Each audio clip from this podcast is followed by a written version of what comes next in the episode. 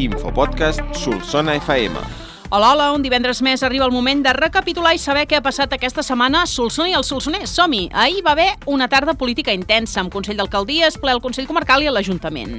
Anem a PAMS. L'Ajuntament aprovava les taxes pel 2024. La més controvertida, l'IBI.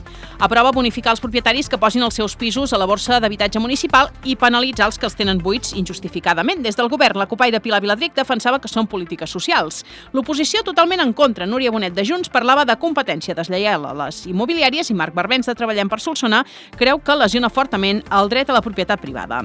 El Consell es va aprovar el pujar les taxes de l'abocador amb el vistiplau de gairebé tothom per ajustar-ho als costos del servei. Dimarts hi va haver la primera junta del centre sanitari del mandat. S'ha anomenat el doctor Juan Campos, fins ara director mèdic, nou gerent. Dedicarà aquesta tasca un 30% de la jornada que se li retribuirà amb 15.000 euros bruts anuals. En cultura hem conegut la programació del Trau al Festival de Tardor de la Satània Teatre. Es farà els dissabtes de novembre al Tetrau a les 9 del vespre amb propostes de música i teatre. També aquesta setmana s'ha obert la convocatòria de les beques Llavor que promouen la Mare Cultural i el Consell Comarcal. Són dues beques de 1.500 euros per joves talents del territori que presentin un projecte completament nou de creació artística.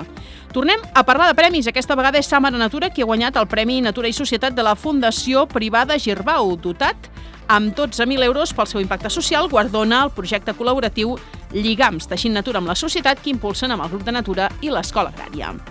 En esports, demà tenim la vintena caminada d'orientació del centre excursionista, que com que estan d'aniversaris podrà triar de fer-la amb el mapa tradicional i anar localitzant les fites o bé fer-lo amb una sèrie amb una cert, certa complicació tècnica amb un mapa d'orientació detallat i contrarrellotges. Si sou socis del Club Bàsquet Solsona, recordeu que avui a les 8 del vespre hi ha assemblea a la sala cultural de l'Ajuntament. L'agenda ens porta propostes per cada dia del cap de setmana. Avui a les 7 a la biblioteca estrena el cicle Calidoscòpia sobre la bellesa amb les cuineres de Sils. Demà al vespre nit arriba l'Octoberfest de Joventut Solsonina a la Polivalent i diumenge a la tarda al Teatre Comarcal Manresa Teatre Musical hi representarà Hi havia una vegada al Bosc. Encara queden algunes entrades tant per l'Octoberfest com pel musical familiar de diumenge.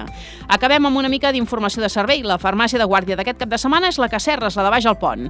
El temps del cap de setmana serà de tardor, amb vent, sol i fresqueta. I recordeu que la nit de dissabte diumenge ens tornen una hora que ens havíem pres a l'estiu. Tornem a l'horari d'hivern, a les 3 s'hauran d'endarrerir els rellotges a les 2 i, per tant, una hora més de son o de festa per la matinada de diumenge. Vinga, ànims, 4 dies literals i som a la castanyada. Fins la setmana que ve.